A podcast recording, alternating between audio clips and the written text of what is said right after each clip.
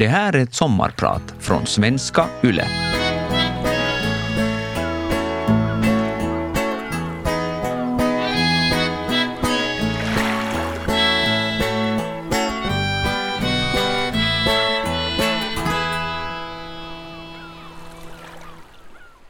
Då låter höga handen gå på hi-hatten hela tiden.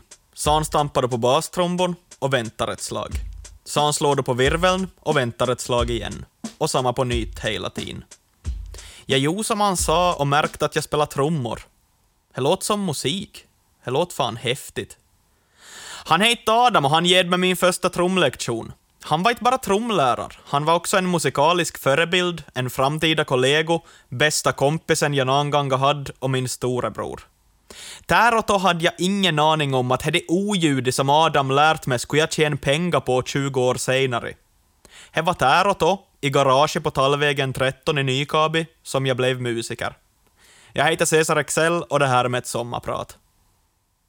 Vissa känner mig som Joel Rönn, en rolig typ som sköter sätt och alltid har något fiffigt att säga. Vissa känner mig som Cesar Excel, en provokativ typ som vägrar ta skit och som inte har påverkat såna jantelag. Jag kan säga att jantelagen är otroligt närvarande i mitt liv och att i skrivande stund så funderar jag över varför fan jag ska ha ett sommarprat. Vem skulle bry sig om några anekdoter från en 25-årig nykabipojk som leker artist? Men det är ju bra synlighet, ser du. Ja, jag skulle inte svära så mycket. Var inte så överdrivet överviktig men mobbare är inte känd för att ha översikt så jag blev viktig med till visa att den här fejtöversittarröven är viktig. Som yngst och tre syskon blev jag van med att käftas emot. Jag vägrade ta skit av mina äldre syskon som precis som jag tyckte om till burn folk på kreativa sätt. Klart att man ska öva upp till skillsen på lillbrodern liksom. Adam har spelat i band så länge jag kan minnas, och jag minns hur otroligt coolt jag tyckte var att han spelade på torget och i lastbilsflak på Rodrock och på Jutbackamarknaden. Allt tyckte han var duktig, allt tyckte han var cool och han hade mycket kompisar. He det är brodern min, sa jag åt all jag kände i publiken. Så det skulle jag bli. Jag skulle ha all ögon på mig och vinna allihopas respekt. Jag fattar att jag måste vara rolig, rapp i käftan och alltid ha en comeback redo ifall någon jävlas. För det blir lika populär som Adam är det till skillsen jag måste slipa på. Och musik. Jag blev ett skolexempel på att ret folk på grund av rädslan att själv bli reta. Jag var fejt, jag var inte bra på någon sport och inte någon av flickorna tyckte att jag såg bra ut. Men vartefter jag lärde mig spela trummor och fick uppträda så fick jag kompisar, respekt, jag fick vara i centrum och jag fick känna mig populär. Den här kicken är något jag aldrig har slutat jaga och även i vuxen ålder tror jag det är handjakten som får mig till stiga upp ur sängen på morgonen.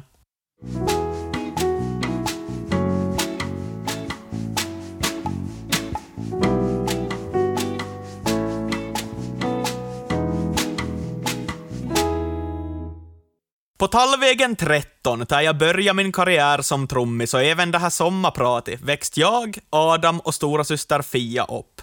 Vi är barn till två musikälskande föräldrar som genom åren har varit otroligt hjälpsam och givmild.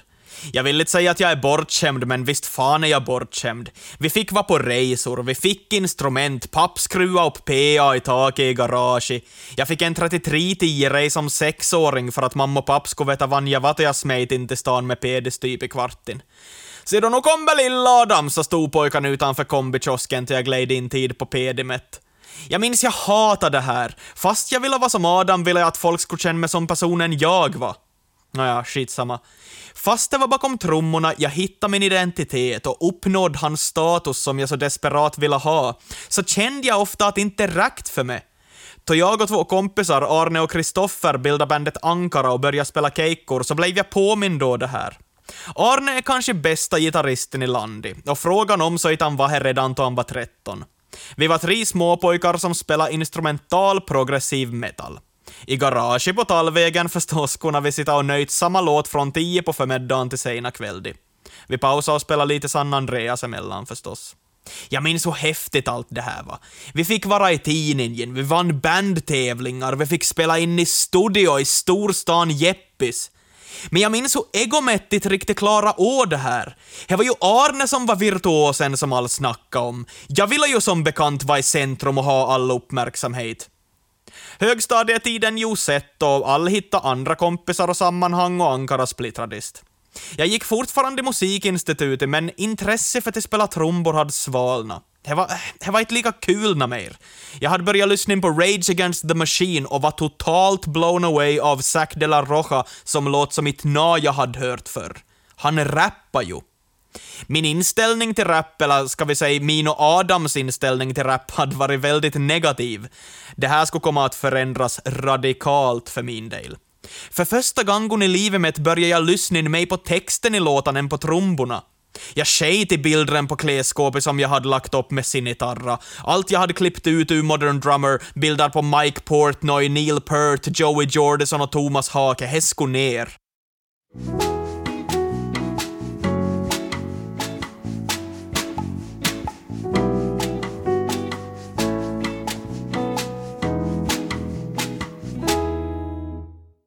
Högstadietiden överlag präglades av att jag surprise surprise ville känna mig cool och få respekt. Jag minns, jag hade som mål till jag började sjuan att jag skulle börja snus och bara hänga med niorna. Båda målen uppnådde jag och jag snusar än idag. Jävla skitung. Det här resulterade i att då jag själv gick i nian var jag en av de få som hade äldre kompisar som hade bil och framförallt kunnat köpa ut öl i. Jag minns att jag samlade ihop pengarna och kompisen sista rasten på fridagen och blev upphämtad av äldre kompisen Kevin. Så for vi med hans Honda Prelude runt till all mataffärer i Nykabi och handla öl åt Chucky. Vi kunde ju inte köpa allt på samma ställe för då skulle jag kunna misstänkna. Sen for vi till skateparken och blästa Limp Bizkit och gjorde tafatta försök till en kickflips. Och sen till hemmafest. Tänk dig att du är 15 till 16 och vandrar in till en fest där LMFAOs Party Rock Anthem redan spelas och du bär på 4 till 5 öllådor och kultalonger och sexor som kompisan din nervöst har väntat på. Då festen inte riktigt kan börja innan du är där. Jag tror jag aldrig kommer ha sån status när mer i hela livet. Nåja, jag ska kanske prata lite musik också. Från Rage Against the Machine med Zac de la Rocha på micken var inte så stora hopp till Limp Bizkit. Det var fortfarande metal, men det var också rap. Jag lärde mig de flesta texter utan till och köpte till och med en röd New York Yankees-keps som jag hade bakom fram till jag skatade till skolan. Fy fan att inte någon sa nå alltså. Jag spelar fortfarande trumbor, lite bas och lite gitarr och jag och Kristoffer spelar några keikkor med ett band som vi bildade tillsammans med en som heter Joje. Jag började skriva riffs, texter och melodier för första gången i livet, men kände inte att det här inte var så kul. Jag gillar inte riktigt metalna mer. Och så kom dagen då jag såg filmen 8 Mile med Eminem i huvudrollen. Jag har alltid varit lätt påverkad. Även i vuxen ålder är jag killen som får att köpa ett schackbra efter att ha kollat Queens Gambit på Netflix. Scenerna i 8 Mile då Eminem sitter på bussen och lyssnar på hiphop och skriver ner rhymes på ett fullklottrat papper. Slutscenen då han burnar skiten ur sin motståndare i rap-battlen. Allt det här talar till mig som mitt na hade gjort tidigare. Det vill jag göra. Om du är 15 år och upptäcker någon du vill bli som, så då funderar inte du mig på det. Som om man åker bil och lyssnar på Goo Goo Dolls Iris och kollar ut genom ett regnigt bilfönster och låtsas som att man är med i videon, så börjar jag låtsas som att jag var Eminem. Jag satt med hörluran på, skrev rhymes på ett fullklottrat papper, skejtade hem från skolan med samma röd Yankee-keps bak och fram och började banddemos. Och Jojje hade jag köpt en Boss BR 800 Multitrack Recorder som jag kunde banda in med.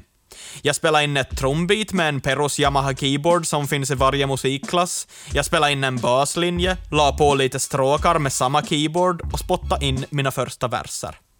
För typ fem år sedan skickade jag den här multitrack-pjäsen med papp till Ekorosk. Jag är både glad och ledsen över det här.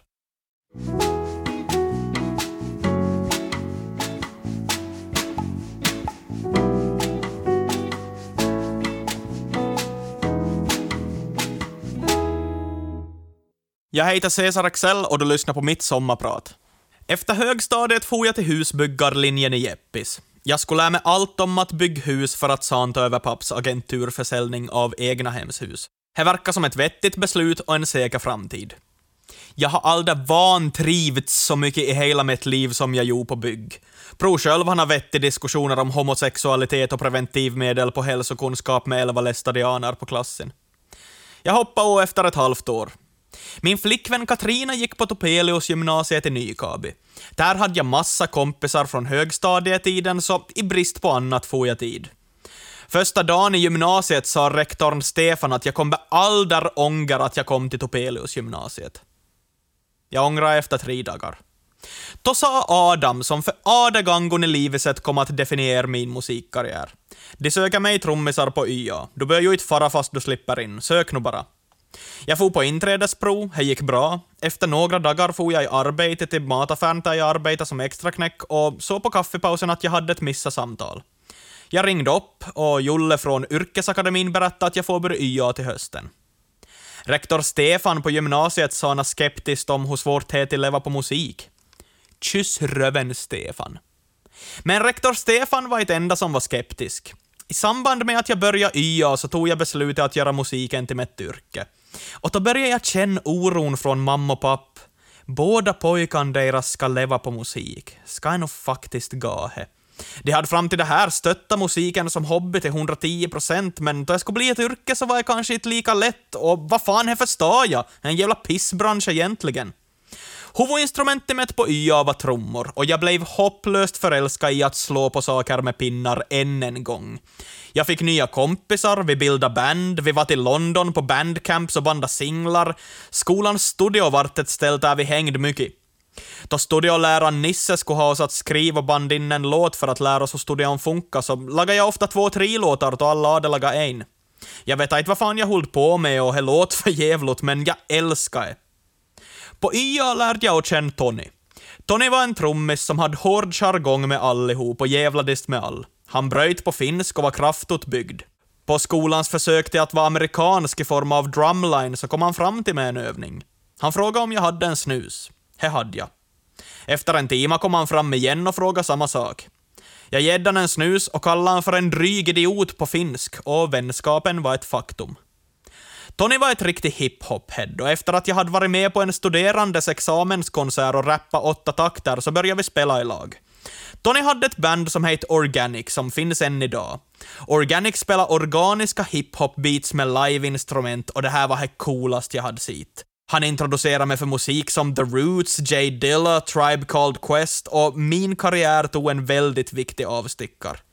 Jag började rap. På riktigt.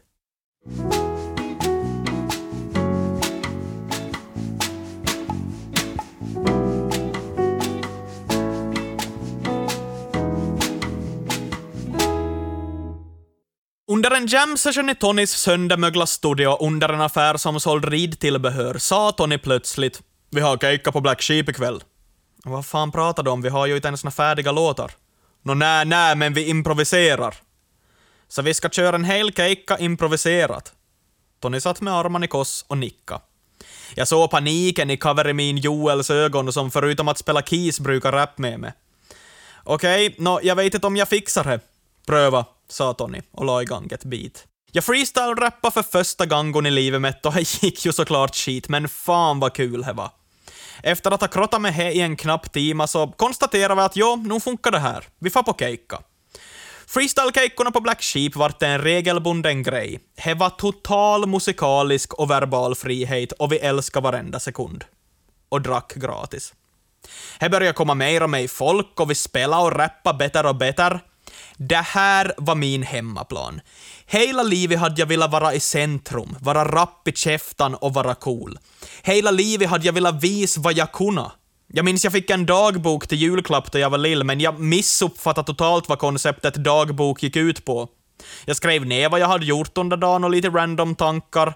Sen marscherade jag ut ur pojkrummet till vardagsrummet där mamma och pappa satt och skådade TV och läste upp vad jag hade skrivit.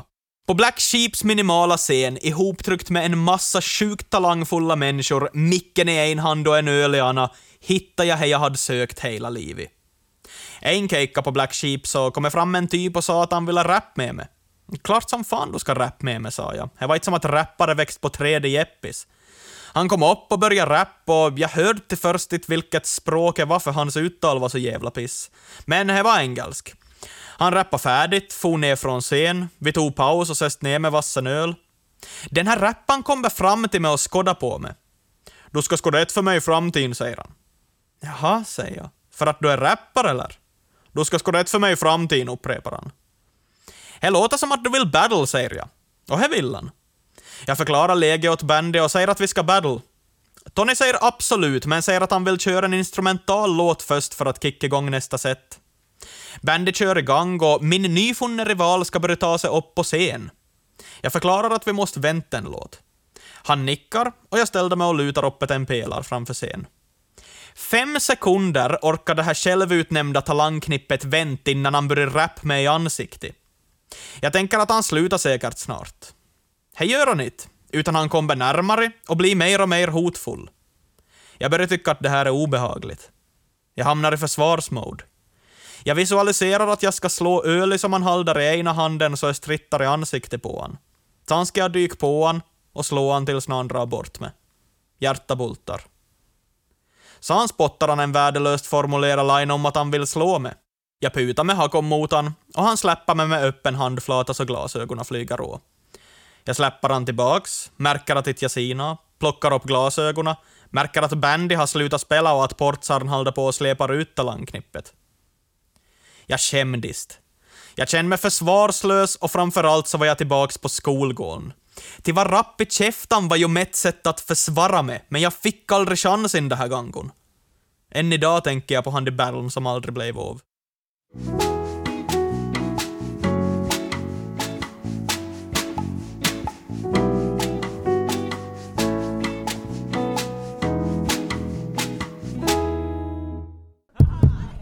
Jag vill alda si Jeppis igen, alda drick lappin vinetti igen, vill till landet som ged med snusi och festisen kyss röven Österbotten ner vill jag alda träff igen. Efter tre år på YA hade mitt hat mot Österbotten nått sitt klimax och jag tog beslutet att söka mig mot Sverige. Jag tog också beslutet att ifall jag inte slipper in på några svenska folkisar så säljer jag alla instrument jag har och börjar med något annat. Jag kom in på rockmusiklinjen i Stockholm som Adam hade gajit och hade talat gott om. I det här skedet var vår CV nästan identisk. Jag pussade Katrina, tog pick och pack och började packa till båten. Jag var så jävla tagga. Och jag var säker på att jag aldrig skulle komma tillbaka. Jag skulle lämna Österbotten med sin trångsynthet, sin jävla jantelag bakom mig. Och Stockholm var väldigt snäll mot mig. Jag gick ner i vikt, jag övade trummor som aldrig förr, jag började producera musik som aldrig förr och lärde mig till och med lite av svenskarnas egenskap som är både deras bästa och värsta small talk. Som en ny KB-pojk så tyckte jag det var så jävla konstigt att alla var så trevlig och att jag hade mycket kompisar men jag hade inte riktigt vänner. Det var sjukt svårt att nå något djup med någon. Då jag tänker tillbaks på tiden i Stockholm så flyter det mesta ihop. Inte på grund av han kopiösa mängden öl jag drack, utan på grund av att jag gjorde egentligen inte så mycket häftigt. Jag steg upp halv sju, for till skolan till åtta, övade en timme innan skolan började, hade skola till 16, åt på skolan, övat till 19, for hem till ett värdelösa rym som jag hyrde för 5000 kronor i månaden, duscha och få och sova.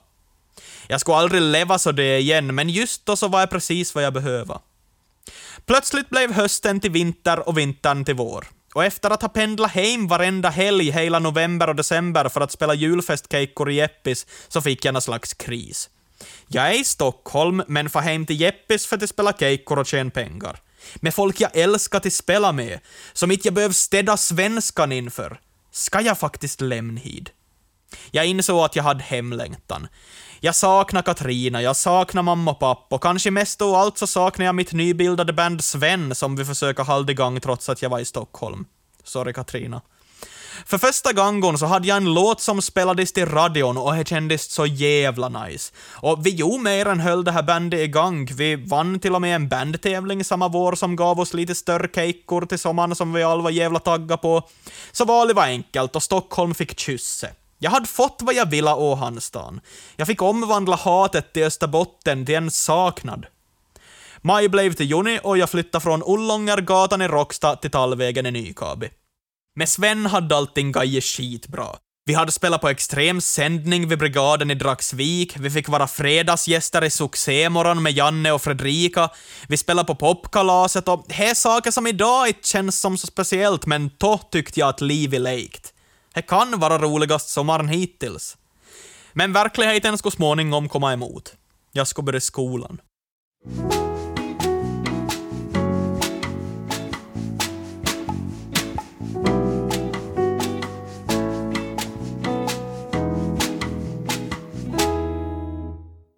Att jag någon gång har tänkt, hmm, om man skulle börja studera till musikpedagog, det förstår inte jag.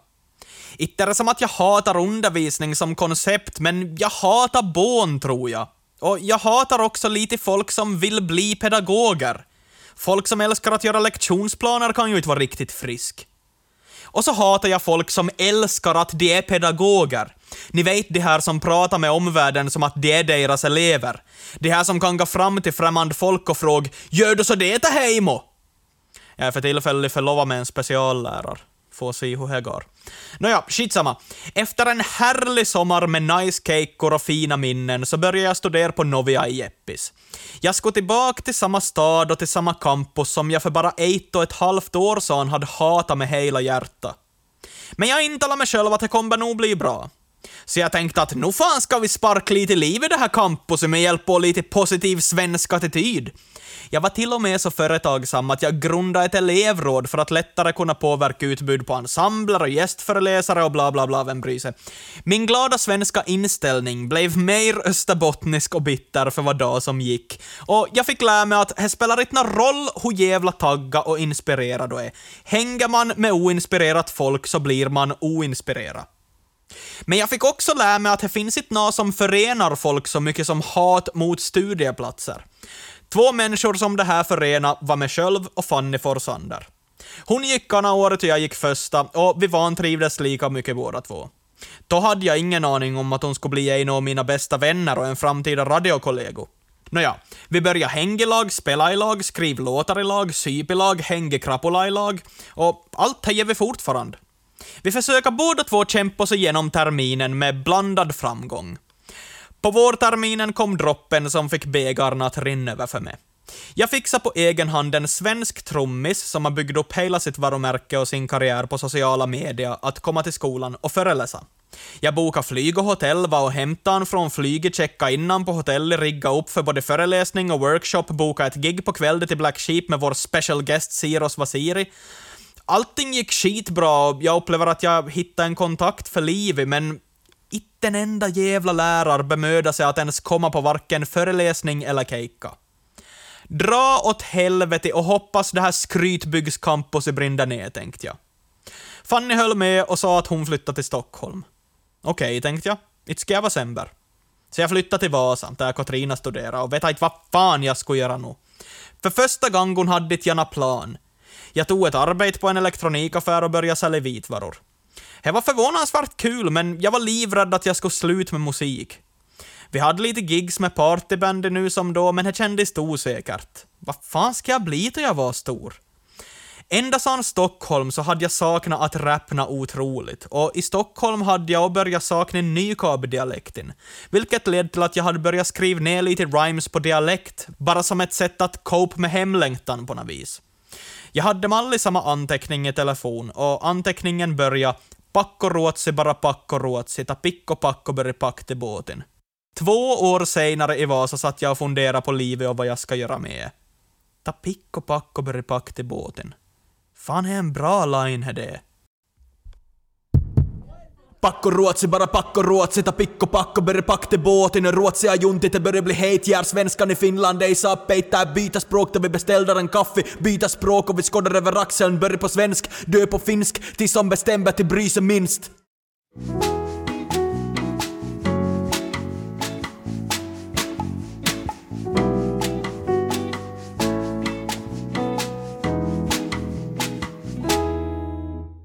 Jag och Katrina flyttade i lag en trio i centrala Vasa. Här fanns ett kök, vardagsrum, sovrum och ett rum som skulle bli min hemmastudio. Inspirera och P3 musikdokumentäravsnittet om Kanye West, där Kanye jobbar som telefonförsäljare på dagen och lagar beats på kvällen, så började jag arbeta hårt. Jag for till arbete på dagen och blev snabbt avdelningens effektivast försäljare, och jag älskar faktiskt det här arbetet. Efter arbetet for jag hem och började producera beats. Så det höll jag på hela hösten 2018. Jag skulle släppa låtar och jag skulle bli artist. Jag resonerar som så att ifall jag tycker de här rhymesen är nice, så med största sannolikhet kommer barader att göra det Jag ville också inte tänka för mycket. Jag ville inte lägga mycket tid på beatsen, inte nå skulle kosta nå, det skulle låta shit och det skulle bara ut. Jag ville bara släppa nå, och framförallt så ville jag höras och synas och vara i centrum igen. På nyårsafton släppte jag min första singel Guds plan. Jag hade någon form av what the hell-attityd. Om folk gillar det så är det ju nice, om inte så är det inte nice. Jag har i alla fall gjort något. Jag satt bakom trumsetet på Vasalines trånga scen då 2018 blev 2019 och jag blev officiellt en artist. Det storma som fan och han det jävla skorven gunga som bara var. Hela WC utanför restaurangen var totalt nerspydd av folk som var sjösjuka i fyllon. Ja, vi riggade ner, körde då båten, jag körde in till stan och for hem och sova. Nästa dag började jag arbeta. Under gårdagen hade jag frenetiskt kollat Instagram och följt med alla som delar Guds plan. Vad i helvete, folk verkar ju gilla det här. Jag började skicka låten åt alla jag kände på Instagram som hade mycket följare. Hej, gott nytt år, hoppas du inte har allt för hård krapulär min låt, jätteschysst om du vill dela bla bla bla.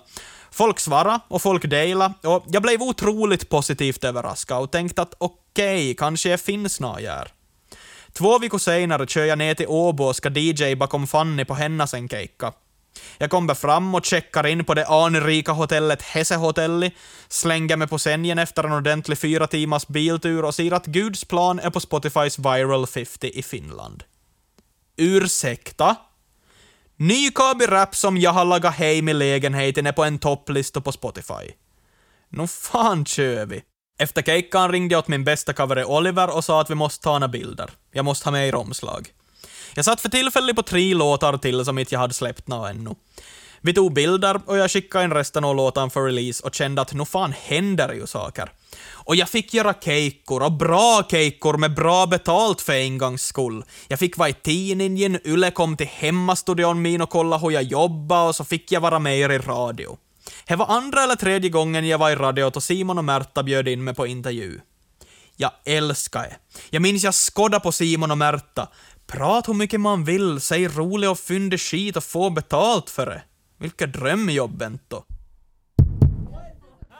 Jag vill ju bara vara bra, bara ha pengar på konto och få vara jag Bara få göra de här låtarna utan till befunde på nån Vissa säger att jag är lat, vissa säger att jag har blivit stor på mig som fan Vissa säger att jag vill bara hålla upp en fasad, vissa kan bara prata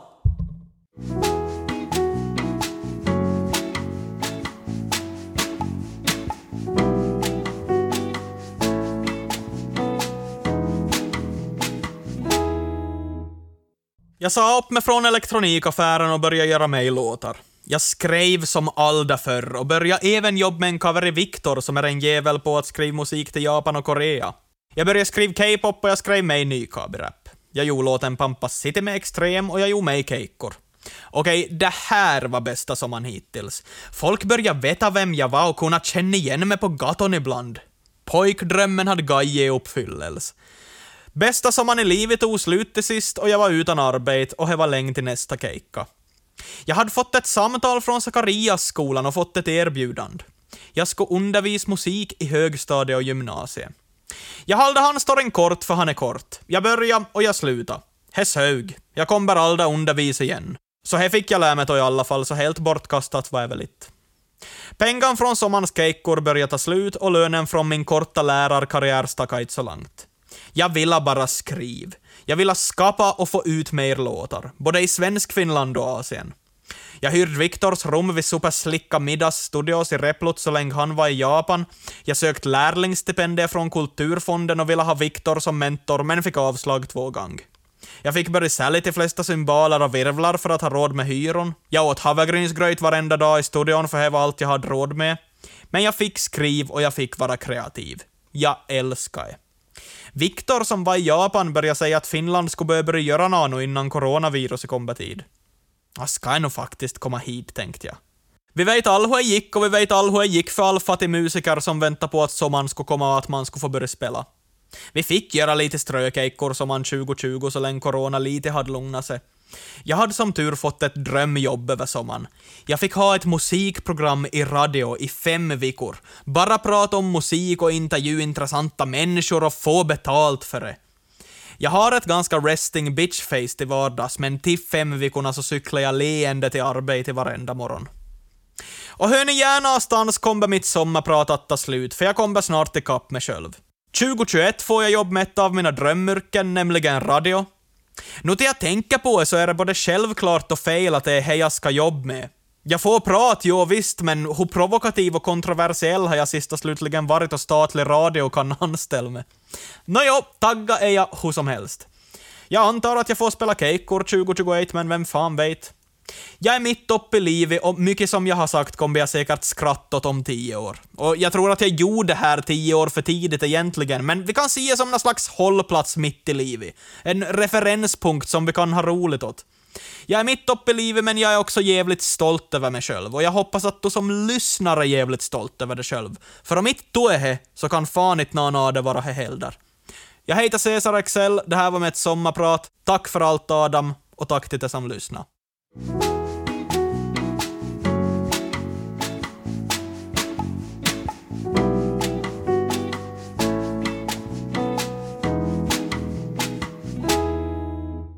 sommarpratare produceras för Svenska Yle av Parad Media.